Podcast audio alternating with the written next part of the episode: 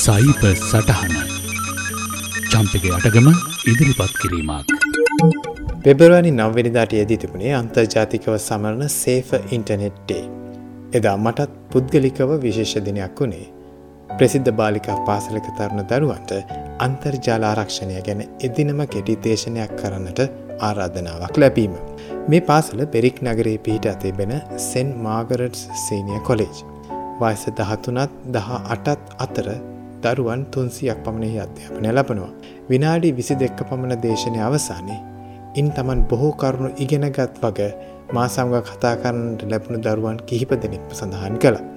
එනිසා අද දවසේ සයිබ සටහන වෙනුවෙන් මම තේමා කරගන්නේ තරුණ දරුවන්ට අන්තර්ජාල ආරක්ෂණය ගැන කතා කිරීමේදී අප විශේෂයෙන් සැලකිලිමත් විය යුතු කරුණොත් ඇත්තටම ඔවුන්ට වඩාත් ගෝචර සහ අදාළ වන එදින ඔවුන් සමඟ මා බෙදාගත් කරුණු කිහිපයකුත්.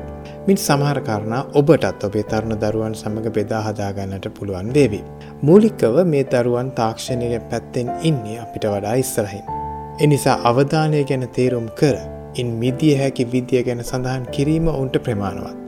ඒ කරන්නේ කෙසේද යන්න ගැන වැඩි විස්තර ඔවුන්ට අනවශ්‍ය. මේ මට ඇත්තරම පහසුවක් වුණා. මේ ශේත්‍රයේ මගේ අත්දැකීම් ගැනත්. මාත් සමාජ ජාලා ආශ්‍රිත සක්‍රිය කෙනෙක් වගත්. ඔවුන් වැනිම තරුණ දරුවන් සිටින පියෙකුට අමතරව ඒ වයසේ දරුවන්ට භාෂා දැනුව ලබා දෙන ගුරුවරයෙක් වගත් මා මුලින්ම මගේ හැඳින්වීමේදී ඔවුන්ට පෙන්වා දුන්නා. මෙට විශේෂ හේතුවක් තිබුණා. තරුණ දරුවන් අපට වැටහෙන බවත්. අපත් මේ තාක්ෂණයන් දෙස රිනාත්මකව නොබලන වගත් පෙන්වාදී දෙයක් කියා දෙද්දී. ඔවුන් වඩා උනන්දුවෙන් එයට ඇහුම්කන් දෙන්නට සූදානම් වෙනවා. එවිට එය සාම්ප්‍රදායක දේශනයක් ඉක්මවා ගොස් ඔවුන්ගේ හැසිරීම් රටා වෙනස් කිරීමට සමත් සාධනීය බලපෑමක් කරන මැදිහත්වීමක් වෙනවා. මගේ උත්සාහය වුණේ ඔවුන් නොදැන සිටින කාරණාත් දැන සිටියත් තරුණකම නිසා අවධානම අවතක්සේරු කරන කාරණත් ඔවුන්ට ආකර්ශණය සහ තර්කානුකුල ක්‍රමයකින් තේරුම් කර දෙන එක. එදා ඒ දරුවන් සමක මම බෙදාහදාගත් කරුණු මොනවාද. තරුණ දරුවන් ආසක්තම දෙය ඔවුන්ගේ ජංගම දුරකථනය නිසා මම එහි ආරක්ෂාවට ඔවුන් කළ යුතුම කාරණා කීපයක් මුලිම මතක් කළ. ඒ තමයි කිසි දිනක ඒ වෙනුවෙන් එන අප්ඩේට්ස් කල් නොදමා මෙහෙයුම් පද්ධතියත් ඇප් සියල්ලත් යාවත් කාලීන කරන ලෙස.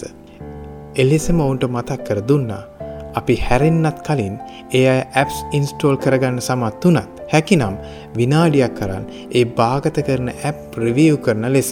එක දෙයක් කරන වග පෙන්වා වෙනත් දෙයක් කරන්නට සමහර හානිකර ඇප්ස් වලට පුළුවන්. අප ඒ ගැන විමර්ශනශීලී නොවනොත් කියලා ඔවුන්ට මම පෙන්වා දුන්නා. ඒ සමගම දරුවන් අතර බොහෝ ජනප්‍රිය ක්‍රියාවලයක් වෙන නොමිලේ අන්තර්ජාලයට සම්බන්ධ වෙන පුළුවන් ෆ්‍රී වයිෆයි ජාල අතිශයෙන් පරිස්සම්වියයුතු කලාපයක්. මැක්ඩොනල්ස් වැනි එවැනි ෆ්‍රී හොටස්පොට්ස් තිබෙන ස්ථානයකට ලැප්ටොප් යන්ත්‍රයක් අතැතිවන හැක කෙනෙකුට එයට සම්බන්ධ වෙන සියලු දෙනාගේම අන්තර්ජාලය වෙත යන දත්ත හොරකම් කළ හැකි ආකාරය මම දරුවන්ට පැහැදිලි කර දුන්න. එම අවධානමෙන් මිදීමට බොහොම පහසුවෙන් VPN ඇප්සරහා අන්තර්ජාලයට සම්බන්ධවීමින් හැකිවගත් ඔවුන්ට තේරුම් කර දුන්න. තරුණ දරුවන් පස් දෙනෙක් ගත්තොත් ඉන්න එක් කෙනෙක් තමන්ගේ සමාජජාලා ගිනුම් පාස්වර්ඩ් එක යාළුවන් එක බෙදාගන්නවා. මෙහි අවධානම පැහැදිලි කරලා මම එයායට කියා දුන්නා නොමිලේ තියෙන පාස්වඩ් මැනේජ සේවාවන් හරහා සංකීර්ණ පාස්වඩ් මතක තබා ගැනීමකින් තොරව ගබඩා කරගන්නා ආකාරය. ඒ සමගම ගිනුමේ ආරක්ෂාව තර කරගන්නට 2ෆක්ට ඔතෙන්ටිකේෂන් යොදාගත යුතුවීමේ වැදගත්කමත් ඒ සමගම කියවුණා. ඊට පසුව මම ඔවුන්ට කියා දුන්නේ සමාජ ජාලාශ්‍රිතව ඔවුන්ව ඇබ්බැහිවීමට ලක්කිරීමේ පසුබිමත් ඉන් මිදෙන්න්නට ඔවුන්ට ගත හැකි පහසු උපක්‍රමත්. දේශනයේ මේ කොට සම්බන්ධව පසුව මට විශේෂ ප්‍රසාදයක් පල කළේ විදුහල්පති තුමිය සහ මෙය සම්බන්ධී කරණය කළ ගුරුතුමිය. ඔවුන් මට කියා සිටියේ මේ සම්බන්ධ ඔවුන් දැනුවත් කිරීම් කොතෙක් කර තිබුණත්. ශේෂත්‍රයේ වෘත්තිකයෙක්ම මේ ගැන විද්‍යාත්මකව කරුණු ගෙන හැර පෑමෙන් දරුවන්ට ගැන ලොකු අවබෝධයක් ලැබුණු වග. ඒ සමගම තමන්ගේ උපන්දිනය ලිපින ආදී පුද්ගලික දත්ත අන්තර්ජාලයේ සඳහන් කරද්දී ඒ ගැන පරිස්සම් වියයුතුීමේ වැදගත්කම මම ඔවුන්ට මතක් කර දුන්න. අවසාන වශයෙන් තර්ණ දරුවන් අතර ඉතාම භයානක ලෙස ප්‍රචලිත තමන්ගේ නුසුදුසු ඡායාරූප බෙදා හදාගන්න සෙක්ස්ටිං නම් උවදුරගෙනත් ඔවුන්ට පහදා දුන්නා. එලෙසින් වෙන අය සන්තකට යන ඡායාරූප වීඩියෝ ආදිය අනිසි ලෙස කෙනෙක් භාවිතා කරන සංසිද්ධිය අප හඳුන්වන්නේ ඉමේජ් පේස්ට් ඇබියස් නමි. එවැනි තත්ත්වයකට පත් වූ කෙනෙකුට හෝ සයිබ හැරස්මන් සයිබ බුලිං ඔන්ලයින් හේත් ආදියට පත් අයට රජයෙන් දෙන සහන සේවා එවැනි ඕනෙම අවස්ථාවක වැඩිහිටියන්ට හෝ කිඩ්ස් හෙල්ප්ලයින් වැනි රජයේ ප්‍රොෆෙෂනල් කවුන්සලින් සේවාවලට යොමුවීමේ වැදගත්කමත් මම අවධාරණය කළා. මේ අපේ අනාගත පරපුර අන්තර්ජාලයෙන් තොර ළමා කාලයක් තිබූ අපට වඩා පහසුකම් දැනුම ආදිය පැත්තෙන් ඔවුන් කෙතරම් වාසනාවන්තද. නමුත් සයිභවකාශය සමඟ නිසැගයෙන් බැඳී ඇති උවදුරු ගැන ඔවුන්ව සබුද්ධික නොකළහොත් අප දැනුවත්වම ඔවුන් විශාල අගාධයක් වෙත යනයුරු හෙට දවසේ අපට බලා සිටින්නට සිදුවෙනවා නොයනුමානයි.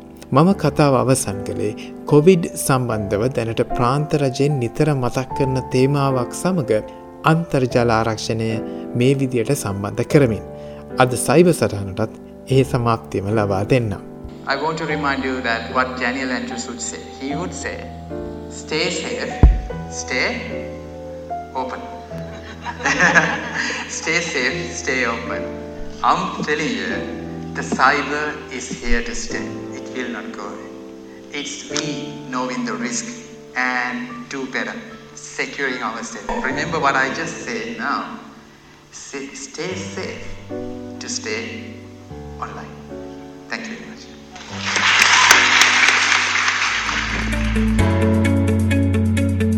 අදත් ඔබට සයිබ සටහන ගෙනා මම චම්පික යටගම්.